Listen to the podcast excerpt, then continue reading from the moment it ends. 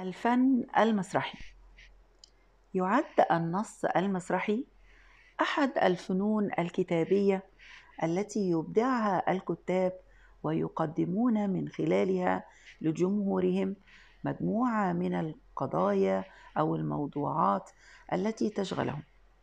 ولكن النص المسرحي يمتاز عن النصوص الكتابية الأدبية الأخرى وذلك كونه يعد للتمثيل أو للأداء أو التجسيد على خشبة المسرح. يستخدم الكتاب لكي يحولوا نصوصهم من نص كتابي إلى نص يمثل ويؤدى على خشبة المسرح. العديد من التقنيات مثل الإيماءات الموسيقى الصوت الإضاءة الديكور وغير ذلك من أنواع التصميم. والحقيقة أن المسرح يتكون من عدة مكونات ربما يمتاز بها عن بقية الفنون الأدبية الأخرى. من ذلك أن المسرح جزء أساسي منه الجمهور والجمهور هم المشاهدون أو المتفرجون وهم عامل مهم. يضع الكاتب المسرحي الجمهور نصب عينيه أثناء كتابة نصه المسرحي. هو الضلع الناقص الذي يكمل أي مثلث وقد وصف سعد الله والنوس أهمية الجمهور في بناء الفنون المسرحية بأن المسرح حدث اجتماعي لا يكتمل إلا بوجود الجمهور. ما أهمية الجمهور بالنسبة للمسرح؟ واحد الجمهور يذهب لمشاهدة المسرحية ويستخدم كمعيار لمعرفة نجاح العرض المسرحي من عدمه. فإذا كان هناك إقبال من أعداد كبيرة فهذا معناه نجاح العرض المسرحي. أقول نجاح العرض المسرحي ولا أقول نجاح النص المسرحي. كما أن ضعف الإقبال من الجمهور أو عدم الإقبال هذا يعني إخفاق النص المسرحي أو ربما الأكثر هو إخفاق العرض المسرحي. الجمهور أيضا يعد بمثابة مرجعية أساسية في اختيار النصوص الأدبية المختلفة للعمل المسرحي. لأن المسرح الفعلي هو الذي يعكس المواقف والحالات المختلفة التي يعيشها الجمهور. ليس هذا فحسب وإنما يعبر عن رغبات كل مرحلة من مراحل مشاهديه الذين يذهبون إليه لرؤية تلك القصص التي تعكس واقعهم. فالمسرح الصحيح هو الذي ينطق بلسان مشاهديه ويعكس لهم قضاياهم الواقعية التي يحيونها خارج جدران المسرح. أيضا الجمهور هو مصدر أساسي لنجاح الفنان أو الممثل. فنجاح الفنان لا يتحقق إلا بالجمهور والمعيار الذي يحدد هذا النجاح هو التصفيق الحاد لهذا الممثل أو المؤدي الذي يقف أمامهم ليعبر ويجسد هذا النص المسرحي. أما المعيار غير المباشر وهو الإقبال الجماهيري على عمل مسرحي يقوم بأدائه ذلك الممثل الذي يكن له الجمهور كل تقدير لأدائه المتميز. اذا العنصر الأول من عناصر العرض المسرحي هو الجمهور كما أن هناك عنصر ثاني وهو الممثل. الممثل هو ذلك الإنسان الذي يجسد الشخصية التي كتبها وأبدع في خلقها الكاتب المسرحي. الممثل هو ملك العمل المسرحي على خشبة المسرح وهو الأداة التي يتعرف بها الجمهور على النص الأدبي المقدم له والذي يقوم الممثل بتنفيذه على خشبة المسرح بعد توافر العديد من الإمكانيات له مثل الإضاءة الملابس الديكور وغير ذلك. من المقومات الهامة التي تخرج لنا الشخص في صورة ممثل عوامل عديدة منها مهاراته التمثيلية ودراسته ومعرفته بالدور الذي يقوم به وبملامح الشخصية وبأغراض الكاتب ومواقفه. أيضا العنصر الثالث وهو المخرج وإذا كان الممثل هو ملك العمل المسرحي على خشبة المسرح فالمخرج هو مالك العمل المسرحي ولكن لا يراه الجمهور غالبا فهو يكون فيما يسبق دوره هو فيما يسبق عرض النص المسرحية على خشبة المسرح وهو المسؤول عن تحريك عناصر العمل المسرحي بأكمله وهو المسؤول الأول عن نجاح أو فشل ذلك العمل المسرحي. المخرج يتعامل مع النص بقراءته كاملا ويختار الممثلين الذين يعكسون ويجسدون الشخصيات بملامحها التي رسمها الكاتب المسرحي في نصه. وأيضا هو الذي يختار الحركة ويفعل الأداء ويشرف على كل ما له علاقة بتجسيد النص المسرحي لكي يصبح نصا مؤدى أو ممثل على خشبة المسرح. أيضا عندنا المنتج عندنا الصالة وهو الحيز آه، أو المكان الذي يتقاسمه المشاهدون آه، أو الجمهور. كذلك عندي خشبة المسرح وهي المساحة المادية المحدودة التي يجري عليها الممثلون كل أحداث المسرحية. آه، كما أن هذه الخشبة أي خشبة المسرح لها أنواع متعددة كالمسرح المفتوح وهو لا يوجد فيه فاصل بين الممثلون وبين الممثلين وبين الجمهور آه، كما أن هناك المسرح المرن أو الدائري أو الأمامي. عنصر آخر أيضا من عناصر العمل المسرحي وهو الديكور وهو فن المناظر الذي يعكس اللون آه، والصورة والإطار ويرسم ملامح آه، المشهد آه، داخل النص الذي يعرض على خشبة المسرح. هناك أيضا الإضاءة والإضاءة العامة وهي إضاءة خشبة المسرح ككل أثناء العرض المسرحي. وهناك إضاءات أخرى يعني تحمل مؤثرات وتعطي إيحاء الآت بربما تغير الزمن آه، داخل النص أو الليل أو النهار أو تركيز الضوء على آه، شخصية الممثل أو غير ذلك. آه، أيضا هناك من العناصر الصوت وأيضا هناك الملابس والأزياء كما أن هناك المكياج وغير ذلك من العناصر الهامة لإخراج النص المسرحي و عرضه على الجمهور بالطريقة اللائقة وربما والتي آه، تعكس آه، مراد الكاتب ودوافعه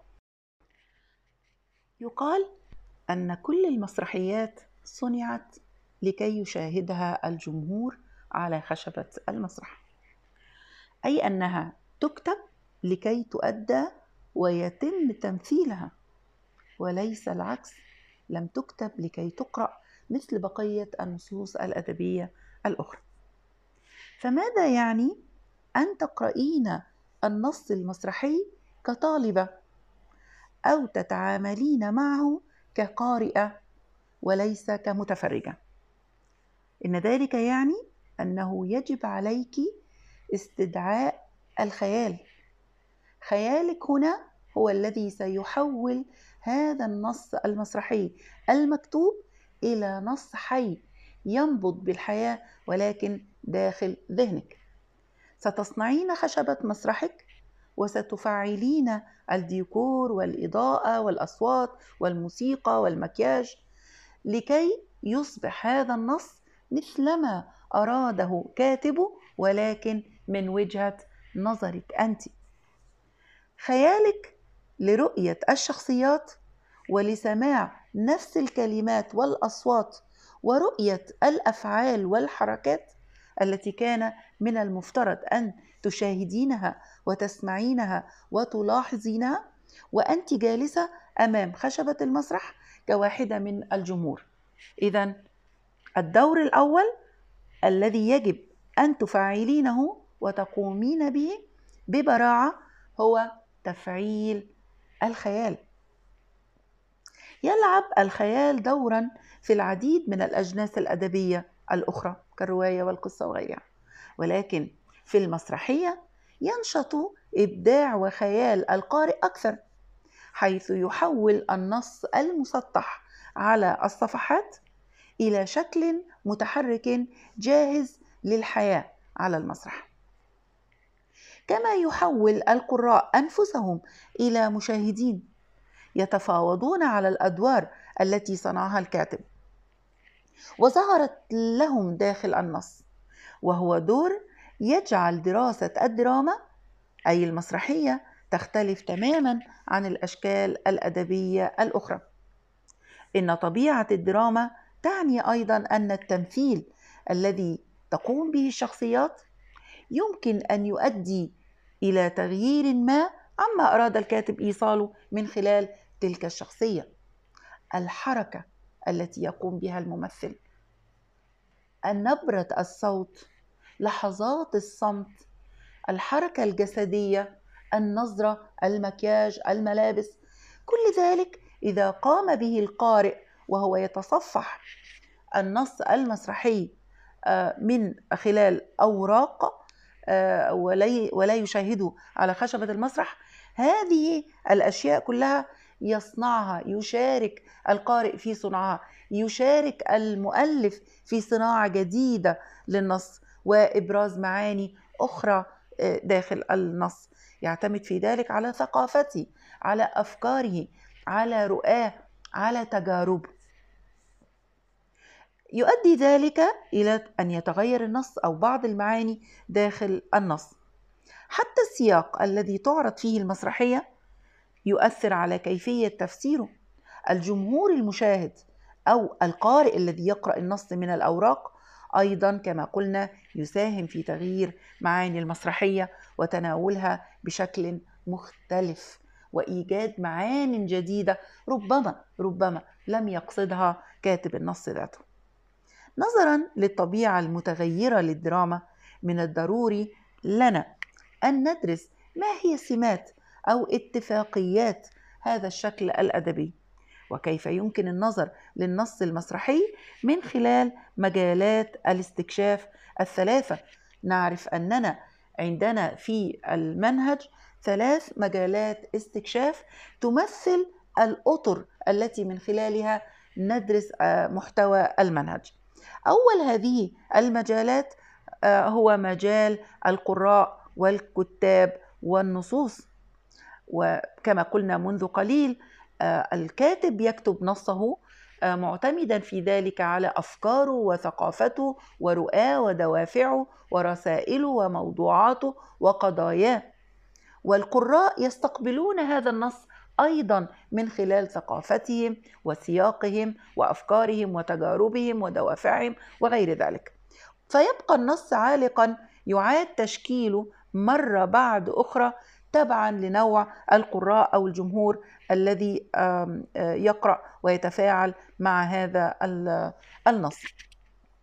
كما إن عندي مجالين استكشاف آه، آخرين وهما الزمان والمكان وكذلك المجال الأخير وهو الربط بين النصوص المختلفة وذلك ربما يمكن آه، تفعيله إذا عند الانتهاء من دراسة هذا النص المسرحي لنرى أين يتفق أو كيف يختلف مع نصوص آه، أدبية أخرى ربما من نفس الشكل الأدبي أو من أشكال أدبية آه، أخرى. عندي أيضا طريقة أخرى للنظر إلى النص المسرحي الذي بين أيدينا وهو من خلال المفاهيم السبعة الواردة في آه، منهاجنا. وأيضا ما هي القضايا العالمية التي سعى الكاتب إلى أن يبرزها آه، ويوضحها لقرائه من خلال هذا النص. واحدة من الممارسات الهامة التي يجب أن تفعلينها خلال دراستك للنص المسرحي هي بناء منتجات قوية طوال رحلتك في دراسة النص يمكن أن آه، تضعين آه، أو يمكن لك أن تضعي هذه المنتجات القوية المؤثرة المعبرة داخل محفظة المتعلم الخاصة بك. آه، بينما الأعمال الأدبية أو الأشكال الأدبية المتعددة تشترك مع النصوص المسرحية في وجود الحبكة الذروة الشخصيات القضايا وغيرها لكن النص المسرحي ربما يختلف آه، عن النصوص الأخرى في كون الفضاء المادي الذي تجري عليه أحداث النص بكامله هو يعد فضاء محدود وهو خشبة المسرح. ذلك القيد الكبير الذي يقيد آه، كاتب النص المسرحي فهو مجبر على أن تجرى كل أحداث المسرحية داخل هذا الفضاء المادي المحدود. هذا القيد لا يوجد آه، كثيرا آه، أو بشكل واضح بالنسبة للنصوص الأدبية الأخرى. أثناء قراءتنا التخيلية للنص الأدبي لابد أن نتخيل حتى أدق التفاصيل سواء التي آه، ذكرها لنا الكاتب أو التي يمكن أن نبني نحن عليها تفاصيل أكثر دقة تتوائم مع مفردات النص آه، المسرحي وأجوائه وأيضا تساعدنا على التخيل واستحضار النص المسرحي وكأننا موجودون آه، آه، في خشبة أو أمام خشبة المسرح نرى ونلاحظ بدقة. من مثل هذه الأشياء التي يمكن أن نمعن في إيجاد تفاصيل لها آه، هي ما يوجد داخل المشهد.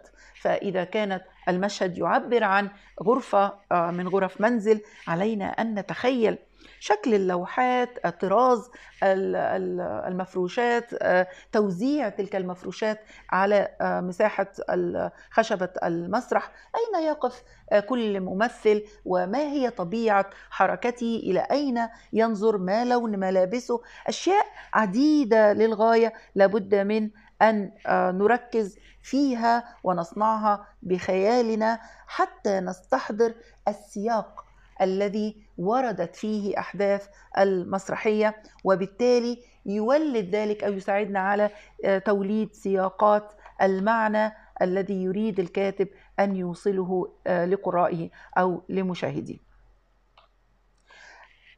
لو كنت غير قادرة على مشاهدة المسرحية بشكل آه، فيزيائي أو جسدي عليك تعلم سمات هذا الفن وستمكنك توقعات الدراما من رؤية المسرحية في ذهنك كاملة. هذه القدرة على تخيل المسرحية من وجهة نظرك كجمهور هي عملية يمكن أن نطلق عليها عملية تحويلية. إن نوع الإبداع الذي الذي يتم تنشيطه في داخل ذهنك هذا أمر بالغ الأهمية لك كقارئة وهو يساعدك على الانغماس في العالم التخييلي الذي خلقه الكاتب المسرحي وخلقه لكي يشاهد على خشبة المسرح. سنتحدث عن عنصرين هامين وهما الجدار الرابع وأيضا عن أعراف وتوقعات الدراما. الكاتب المسرحي بشكل أساسي لديه وجهة نظر غالبا ما تكون واحدة وهذا هو المنظور الدرامي الذي يصل للجمهور. يشار إلى الجمهور أحيانا بأنهم الجدار الرابع ومصطلح الجدار الرابع هو حائط تخيلي غير مرئي يقع ما بين الجمهور من المتفرجين وبين الممثلين على خشبة المسرح. كسر الجدار الرابع في المسرح هو كسر حالة الإيهام التي تستحوذ على عقل المتفرج لتخرجه من هذه الحالة إلى حالة المشاركة في الفعل الدرامي. سواء كانت مشاركة فعلية أو بالتدخل في الحدث نفسه أو فكرية عن طريق استثارة تفكيره في الحدث الذي يقوم الممثلون بتمثيله على خشبة المسرح. وعملية كسر الإيهام تلك أول من استخدمها هو الكاتب والمخرج الألماني آه، بريخت. ومن هنا أطلق على مسرحه مسمى المسرح التحريضي أي الذي يحرض الجمهور أو المشاهدين أو المتلقين إلى أن يشاركوا بشكل فعال داخل الحركة المسرحية ولكن كل ذلك يجري في أذهانهم. فهو لا يكتفي فقط أن يكون المشاهد جالس بشكل سلبي بل يجب أن يكون مشاركا أو جزءا من الحدث نفسه هذا ما يسمى الجدار الرابع وهو غاية من غايات العديد من الكتاب المسرحيين وبالتالي المخرجين وهم يعملون على تحويل النص المسرحي إلى نص مؤدى على خشبة المسرح أي يخلقون واقعا موازيا على خشبة المسرح. يشار إلى الجمهور في هذه الحالة بما يسمى الجدار الرابع يخلق هذا المنظور طريقة مختلفة للنظر في الزمان والمكان. بالتأكيد نوع الثقافة المجتمعية والأحداث التاريخية يساهمان في تشكيل سياقات المعنى. إذا كان يريد الكاتب المسرحي أن يكشف الدافع للعمل داخل النص يجب الكشف عن هذا الدافع مباشرة للجمهور. علينا أن نستمع ونراقب بدقة الشخصيات وحركاتها وما تقوله لنكتشف الأفكار الداخلية للشخصيات. إذا يصبح الحوار الوسيلة الأساسية التي يفعلها الكاتب المسرحي لكي يوصل مراداته وأفكاره إلى الجمهور. حركة الشخصيات كذلك أو نقص الحركة، الحديث أو الصمت، الفعل أو التفاعل أو ردة الفعل، الإيماءات، الإضاءة، الصوت، الموسيقى، كلها تساهم في تجربة الجمهور. لكن كلمات الكاتب المسرحي الكلمات اللغة الحوار وكيف ينطق بها الممثلون غالبا هي أكثر ما تنتج أعظم التأثيرات على الجمهور حتى لو كنت غير قادرة على مشاهدة النص المسرحي كعرض مؤدى على خشبة المسرح يجب عليك تعلم سمات هذا الفن وستمكنك توقعات الدراما من رؤية المسرحية في ذهنك. هذه القدرة على تخيل المسرحية من وجهة نظر الجمهور كما قلنا هي مهمة تحويلية. وعلينا الآن أن نتعرف على توقعات وأعراف وسمات الدراما. قلنا أن الدراما هي عبارة عن نص كتب ولكن كتب بهدف أن يؤدى على خشبة المسرح أي يجلب الحياة الواقعية للعالم الخارجي الخيال إلى عالم متخيل على خشبة المسرح. قد يرغب الكتاب المسرحيون في أن يتقبل جمهورهم هذا العالم على المسرح كليا أو جزئيا. تدعو الدراما الواقعية الجماهير إلى النظر إلى العالم على المسرح باعتباره عالما مالوفا. أي لا يوجد هذا الفاصل بين المتفرج وما بين ما يؤدى على خشبة المسرح ما بين المتفرج وما بين الممثل.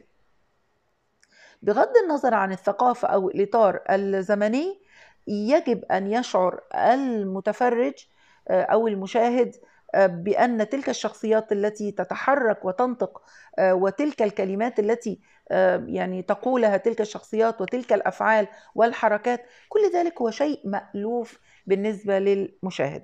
تهدف مشاعر الشخصيات على المسرح إلى إثارة استجابة متعاطفة من الجمهور. غالبا ما ينظر إلى نتيجة هذه الاستجابة على أنها محاولة لتقليل المسافة العاطفية بين الجمهور وما بين الممثلين والأداء على المسرح. في المسرحيات بالطبع يشعر الجمهور بمزيد من العاطفة ويشارك بنشاط من خلف الجدار الرابع. هذه المشاركة النشطة تعني أن الجمهور علق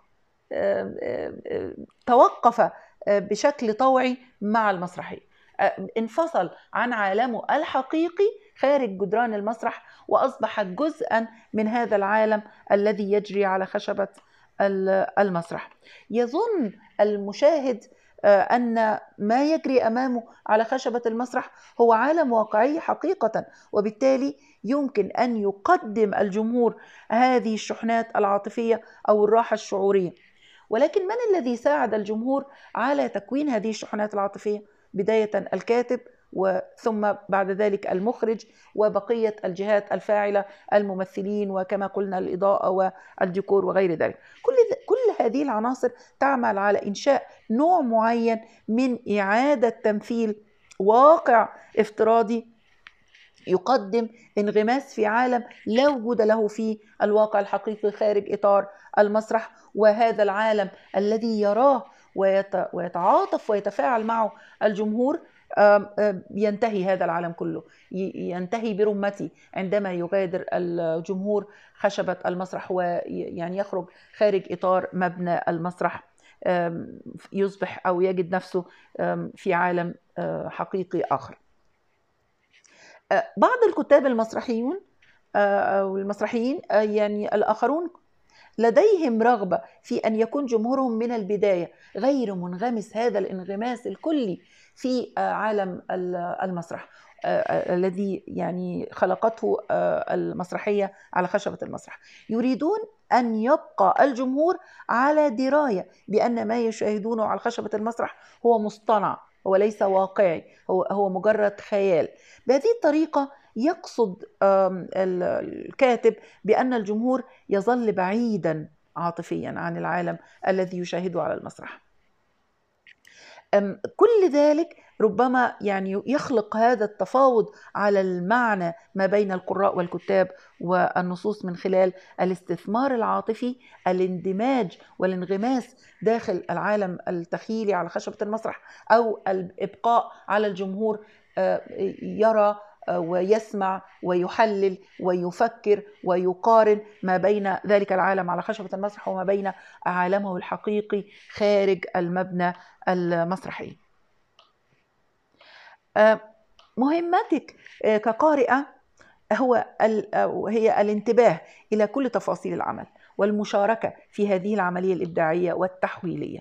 يمكنك بناء العمل الخاص بك بواسطة الخيال. يمكنك أن تشيري إلى المواقف والأشكال والألوان والأحجام والتفاصيل المقدمة في أجزاء العمل. لاحظي أين توجد الأبواب والنوافذ؟ بسبب تلك المواصفات التي تميز ما بين العالم الداخلي للنص على المسرح وبين العالم الخارجي آه، وأين توجد الأدلة في الحوار التي يمكن أن آه، آه، يعني تولد مناسبة أو سياق في هذا العالم. هل نحن في شهر الربيع؟ هل هل في أعوام ما قبل ثورة ما أو ما بعدها؟ هل هناك يعني قرار ظهر في المجتمع الذي تمثله المسرحية أثر على أجواء المسرحية هل نحن ليلا أو نهارا؟ كل هذه الأشياء يجب الالتفات إليها والانتباه إلى تفاصيلها.